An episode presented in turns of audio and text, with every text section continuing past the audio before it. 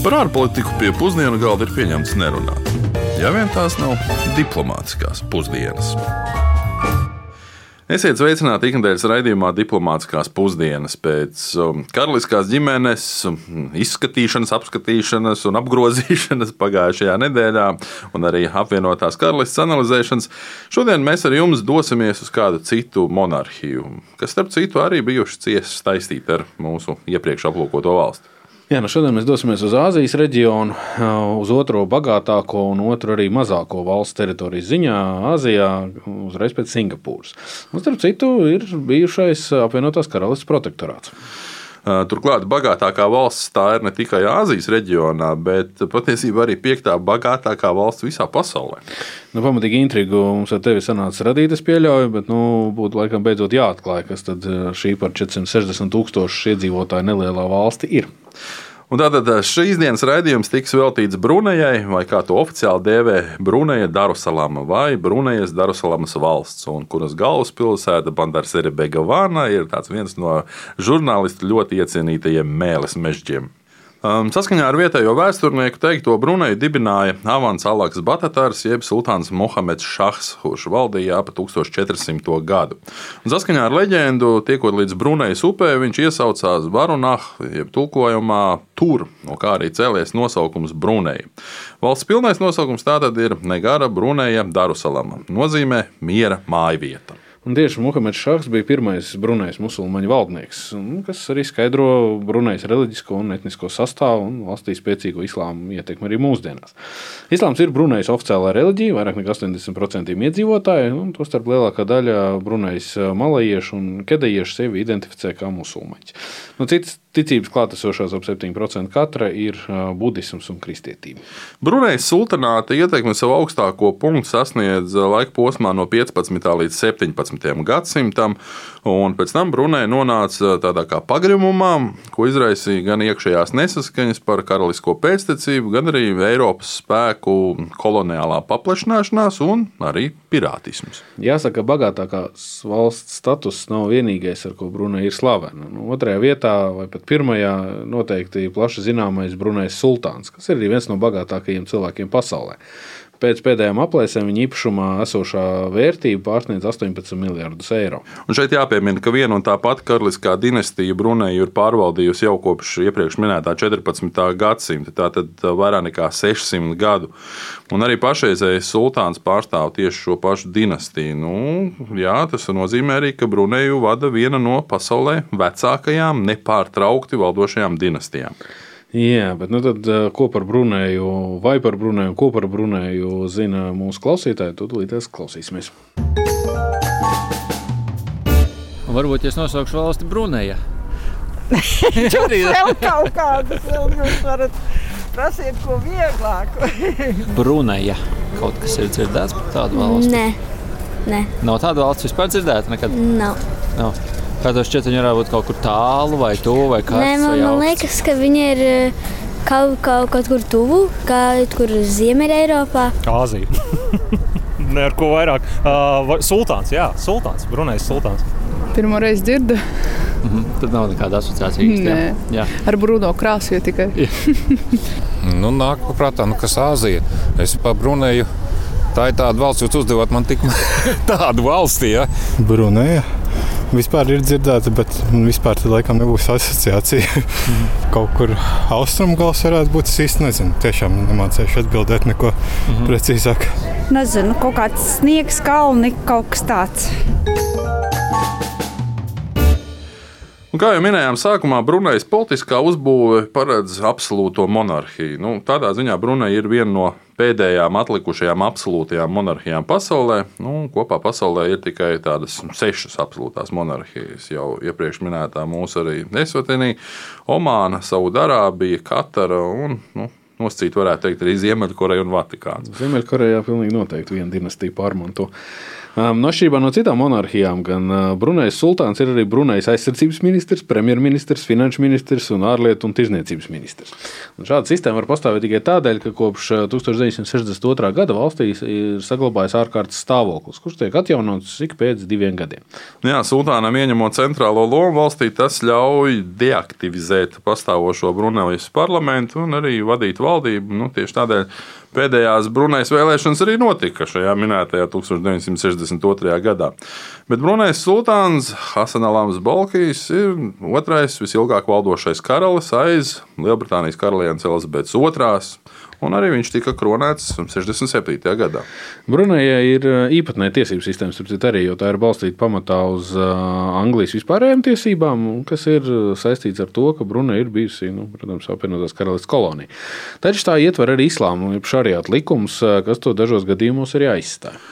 Jā, un šis jauninājums um, tika pieņemts 2016. gadā, kad sultāns paziņoja par savu nodomu piemērot sodu kodeksu no šārieta likuma valsts musulmaņiem. Nu, tādā veidā padarot Brunēju par pirmo un arī vienīgo valsti Austrumāzijā, kas savā krimināla kodeksā ir ieviesusi šos šārieta likumus.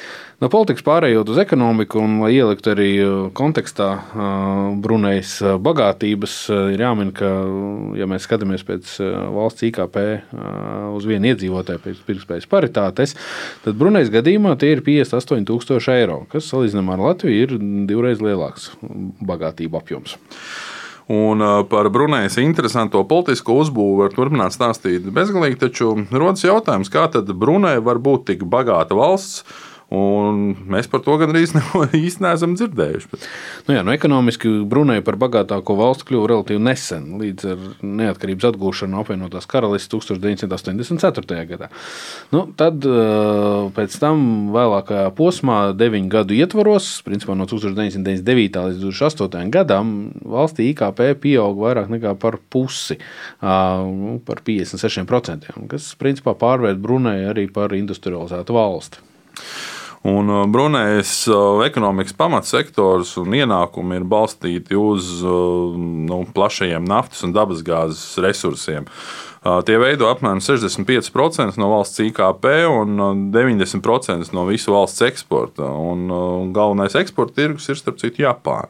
Nafta Brunejā gan tika atklāta tikai 1929. gadā. Nu, tāda pakāpeniski arī attīstīja naftas iegūs iespējas. Mūsdienās Bruneja ir ceturtā lielākā naftas ražotāja Dienvidu-Austrumāzijā un iegūst aptuveni 167 tūkstošu barelu, jeb kas ir nepilnīgi 27 tūkstoši kubikmetru naftas dienā. Nu, saražo arī aptuveni 25,3 miljonus kubikmetru sašķidrinātās dabasgāzes dienā, nu, arī padarot Brunei par devīto lielāko gāzes eksportētāju pasaulē. Tajā pašā laikā Brunei ir ļoti atkarīga no importa un uh, tiek importēta aptuveni 60% visas pārtikas, arī transporta līdzekļi un elektropreces. Un tas tikai nozīmē, ka atkal sanāk šī tāds nu, disbalans. Uh, lielie naftas lauki, no otras puses um, lielākā daļa produktu tiek importēta. Mm -hmm. Turklāt tiek arī prognozēts, ka valsts naftas rezerves izsīks tuvāko 30 gadu laikā.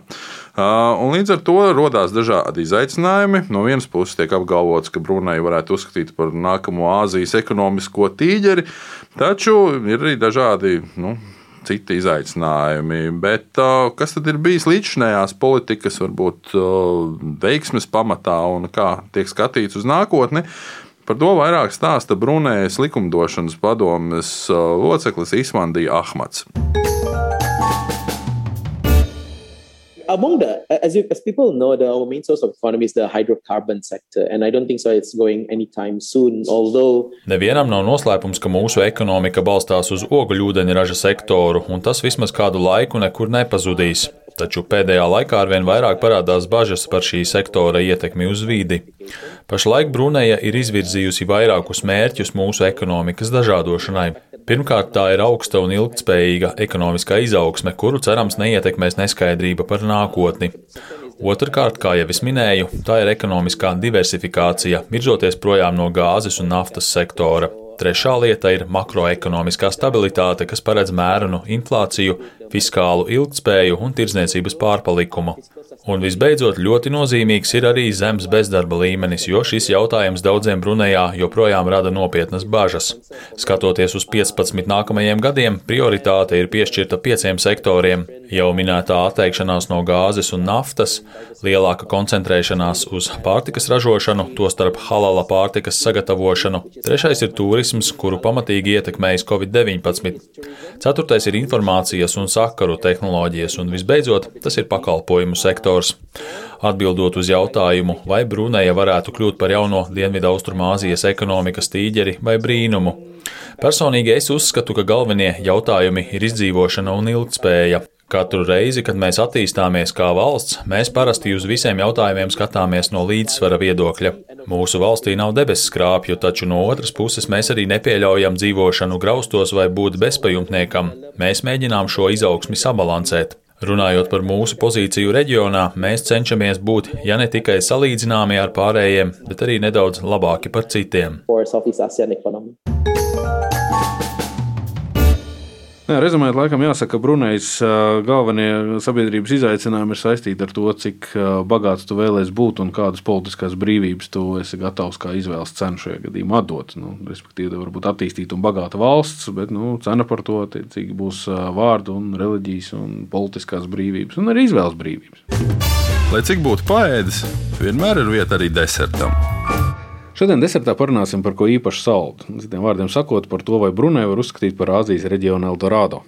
Nu jā, ar zelta un bagātību iespējām Brunei tiešām ir piesātināta. Nu, jā, piemēram, Brunejā ir viens no augstākiem automašīnu īpašumu tiesību rādītājiem pasaulē. Un, nu, saskaņā ar Austrumāzijas ekonomiskās savienības sniegtiem datiem automobīļu īpatsvars uz tūkstošu cilvēkiem Brunejā ir apmēram 721.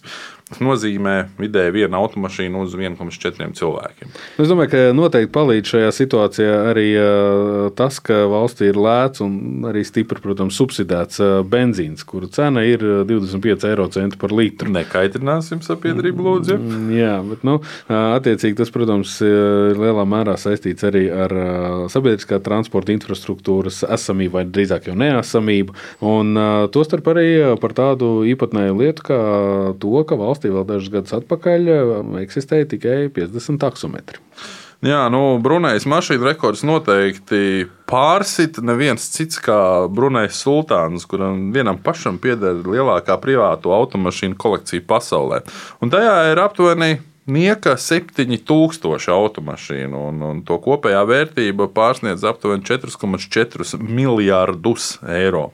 Nu, tā īsumā raksturojot, ir aptuveni 20 Lamborghini, 160 Porsche, 130 Rolls Royce, 360 Ferrari, 170 Jaguar, 180 BMW, 360 Bentley, 530 Mercedes. Un tas saraksts varētu turpināt, un turpināt. Tiek runāts arī, ka esot zelta Rolls Royce, kurš gan esot, bet nu, tā redzēts nesot. Bet ir. Nu, jā, bet uh, nav jau tikai runa par Rolls Royce, ko starp citu var internetā, ja tā pameklē eh, bildes atrast. Nu, cerams, ka ir īsts. Bet viņam ir arī zelta Mercedes, nu, arī par kuru bildes var atrast. Par gaunu, protams, nestrīdās, bet uh, šis ir pieejams. Manuprāt, par Brunēs sultānu arī varētu runāt mūžīgi. Nu, kaut vai par to, ka viņš dzīvo arī pasaulē lielākajā dzīvojamā pilī, kuras platība ir 200 tūkstoši kvadrātmetru. Tajā ir gandrīz 1800 istabu, gandrīz 260 vannas istabu, banketu zāle, 5000 viesu, arī kondicionēts stāvs 200 ponijiem, 5 peldbaseini. Nu, tas viss arī ir ievietots Guinness rekordu grāmatā. Nu, jā, tur garāžā arī esot 110 automašīnām. Tikai jautājums, kur pārējās tiek liktas. Nu, jā. Jā, man liekas, ka paradoxāli, ka izņemot Brunējas titulu, sultānam ir arī divi britu karalienes Elizabetes otrās piešķirtie amati, goda amati gan šajā gadījumā. Viņš ir gaisa spēku galvenais maršals Lielbritānijas gaisa spēkos un Karaliskās jūras kara flotes admirāls arī. Nu jā, un ar šo arī šīs dienas raidījumu mēs noslēdzam. Atgādināšu, ka klausīties mums varat Latvijas radio arhīvā, portālā LSMLV un arī dažādās mūzikas straumēšanas platformās, podkāstu formā. Šo raidījumu veidojām mēs, Uģis Lībijams un dr. Kārlis Bukovskis, un to palīdzēja veidot arī Rihards Plūme un Aleksandra Palko. Uz sadzirdēšanos! Un vēl viena lieta. Pirms atrodamies nākamnedēļ, dosimies pretējā virzienā no visbagātākās valsts vadītāja pie visnabadzīgākā. Uz Latviju Ameriku dosimies, dosimies uz Urugvaju. Līdz tam, lai veicas! Diplomātiskās pusdienas katru otrdienu pusdienos Latvijas Radio 1.